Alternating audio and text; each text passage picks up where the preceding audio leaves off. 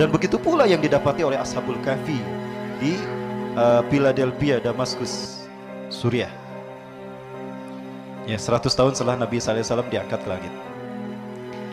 Nah, kemudian itu bulan pertama, Martius. Nah, bulan kedua itu terkait dengan ritual uh, penyambutan musim semi.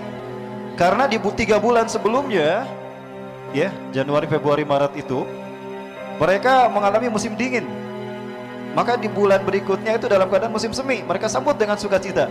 Maka diadakan ritual penyambutan musim semi. Ritual itu dinamakan Aperili. Jadilah ritual itu di waktu waktu di mana ritual itu dilakukan dinamakan bulan Aprilius. Orang-orang Romawi selalu menggunakan us-us dalam menamai sesuatu. Makanya kaisar-kaisar dan nama-nama Romawi itu ada usnya. Maximilianus, Adrianus, ya Heraklius,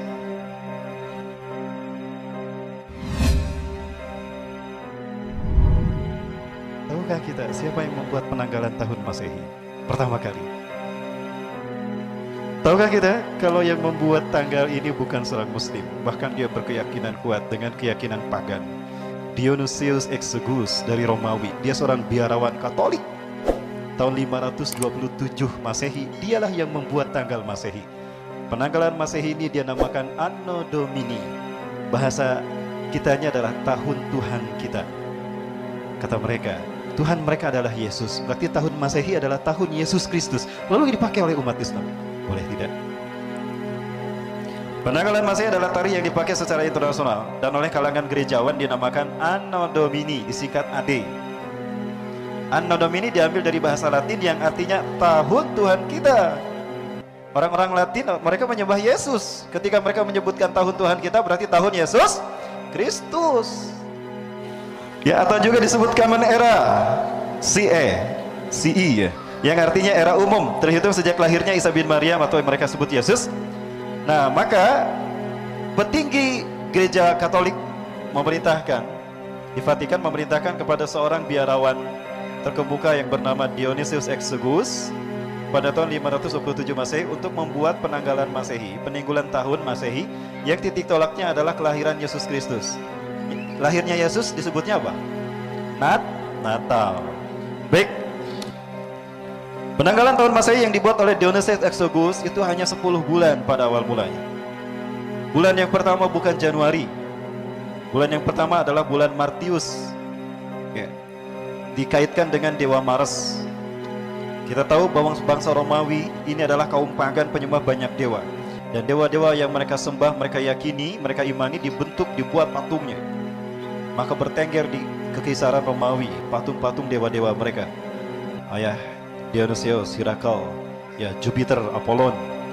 Dan begitu pula yang didapati oleh Ashabul Kahfi di uh, Philadelphia, Damaskus, Suriah. Ya 100 tahun setelah Nabi SAW diangkat ke langit.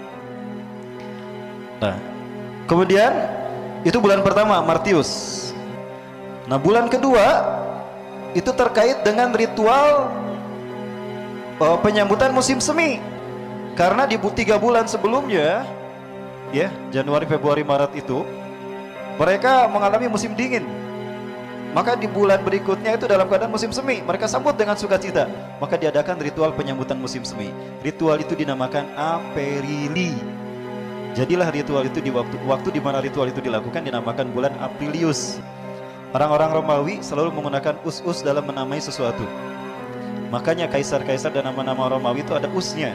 Maximilianus, Adrianus, ya Heraklius. Baik, ada bulan Meius dikaitkan dengan Dewa Maya. Konon kalau tidak salah Dewa Maya ini Dewa Senandung. Kemudian ada Junius dikaitkan dengan Dewa Juno. Nah selebihnya itu disebut Quintrilis kelima, Sextrilis keenam, September ke-7, Oktober ke-8, November ke-9, Desember ke-10. Ketika dihitung dan digunakan ternyata ada selisih, ada sisa kosong 60 hari untuk sampai ke bulan Martius lagi. Oh berarti kurang dua bulan dia. 60 hari itu dibagi dua. Maka 30 hari pertama diberi nama Januarius, dikaitkan dewa, dewa Janus, dewa yang bermuka dua.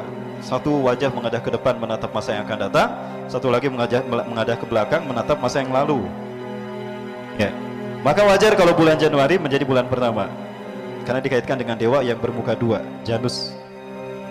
Nah, bulan berikutnya biasanya sebelum bulan Martius ada ritual ruatan kampung. Dan ini biasa dikaitkan dengan dewa Febria atau Dewi Febria. Dewi kasih sayang, cinta kasih.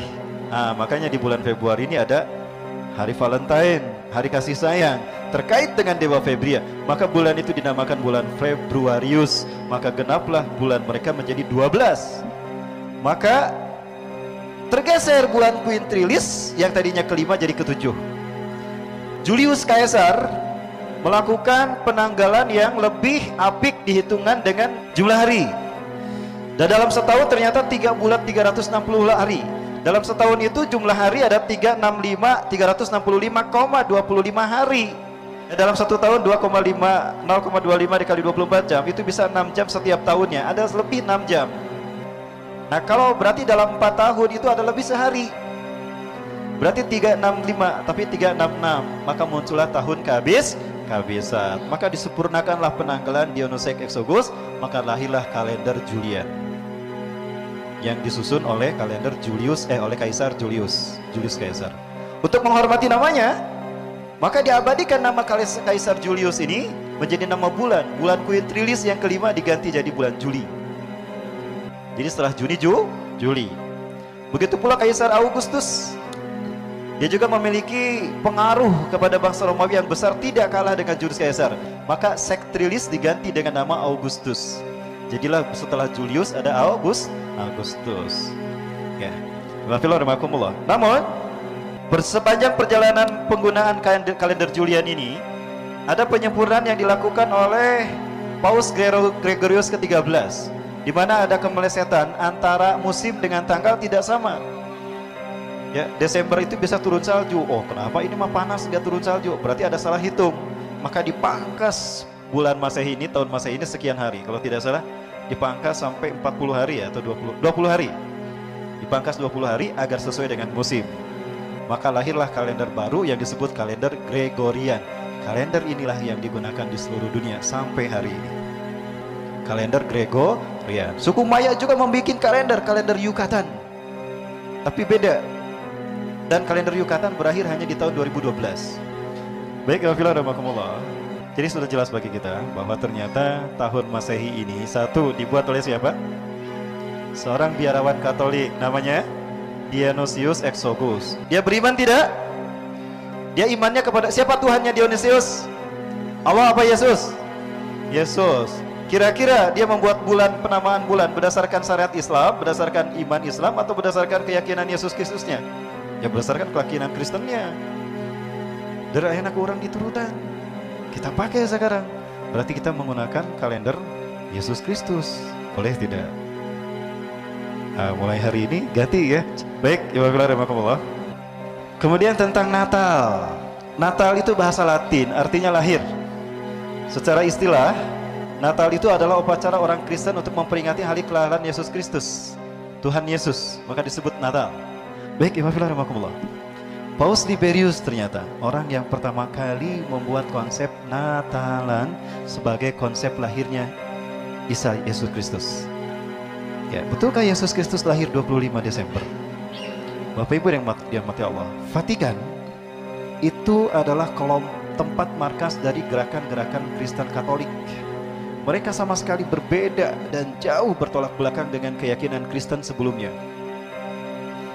Nah, mereka ini kemudian membuat sebuah gerakan untuk mendakwahkan paham-paham mereka yang dikaitkan dengan penyembahan dewa matahari. Kita lihat dewa matahari di seluruh dunia. Ternyata dewa matahari bukan satu, ada banyak dewa matahari. Semuanya lahir di 25 Desember dan lahir dari seorang perawan Isis Mary. Ya. Nah paham keyakinan Dewa Matahari ini dibawa oleh Vatikan ke bangsa Romawi yang saat itu bangsa Romawi meyakini Yesus Kristus sebagai Tuhan mereka. Ya. Betulkah Yesus lahir di 25 Desember? Ya. Maka para pendeta Perhatikan inilah yang membuat pengaruh menanamkan cerita, membuat sebuah cerita dongeng kepada bangsa Romawi sehingga bangsa Romawi menerima pengaruh yang dipropaganda disampaikan oleh Vatikan sehingga mereka menerima kenyataan yang ditetapkan oleh Kaisar Konstantin di mana Kaisar Konstantin pada tahun 350 uh, 330-an 330 atau 340 menyatakan kalau 25 Desember itu hari lahirnya Yesus Kristus. Betulkah Yesus lahir di tanggal 25 Desember? Di dalam Bible versi Lukas, ya, Bible Lukas, ternyata Yesus lahir pada masa kekuasaan Kaisar Augustus yang saat itu sedang melaksanakan uh, sensus penduduk karena banyak imigran. Di bulan itu banyak orang-orang bermigrasi ke Bethlehem. Kenapa? Karena di Bethlehem banyak makanan, banyak mata pencaharian. Maka orang-orang hijrah ke Bethlehem. Maka di saat itu Kaisar Augustus melakukan sensus penduduk. Nah, ada Yusuf dan Maria yang sedang hamil tua datang ke Bethlehem. Melihat mencari-cari hotel dan mes untuk tempat tinggal ternyata tidak ditemukan sementara Maria sudah tidak kuat ingin melahirkan. Maka ada seorang pemilik lumbung padi menerima Maria dan Yusuf menawarkan itu ada lumbung padi, ada kandang sapi dan lumbung padi. Mungkin di situ bisa digunakan untuk melahirkan uh, untuk persalinan Maria. Biar saya bersihkan dulu. Maka betul kan Yesus lahir di lumbung Pak padi. Cerita mereka. Ya. Di mana pada saat itu di malam lahirnya Yesus, para penggembala kambing menggembalakan kambingnya di padang-padang rumput karena padang rumput tumbuh rumput subur. Nah, baik. Bulan Desember biasanya tumbuh turun salju ya. Mungkin nggak di, di, di bulan Desember padang rumput menumbuhkan rumput yang bagus sehingga para pengembala kami menggembalakan rumput di bulan Desember. Padahal di bulan Desember Romawi itu Palestina itu Syam biasanya turun hujan salju. Mungkinkah mengembalakan kambing di musim salju? Ini kontradiktif antara konsep Natal 25 Desember dengan Bible sendiri, dengan Bible sendiri. Ya, Bible Lukas. Begitu juga dengan Bible Matius pasal 2 ayat 1, 10 dan 11. Sesudah Yesus dilahirkan di Bethlehem di tanah Yudea pada zaman Herodus yang agung, datanglah orang-orang Majusi dari timur ke Yerusalem. Mereka melihat bintang berapi, komet hijau bergerak. Wah, ini Yesus sudah lahir, bayi itu sudah lahir. Dicari-cari, ketika didapati di rumah yang di mana Yesus tinggal, ternyata Yesus sudah dilahirkan. Maria sudah menggendong Yesus. Pada saat itu, para pendeta majusi dari timur ke Yerusalem ini melihat bintang di langit. Berarti langit dalam keadaan cerah. Cerahkah langit di musim salju? Tidak. Mungkinkah bintang terlihat di musim salju? Berarti konsep Natal 25 Desember bertentangan dengan Bible kitab suci orang Kristen sendiri.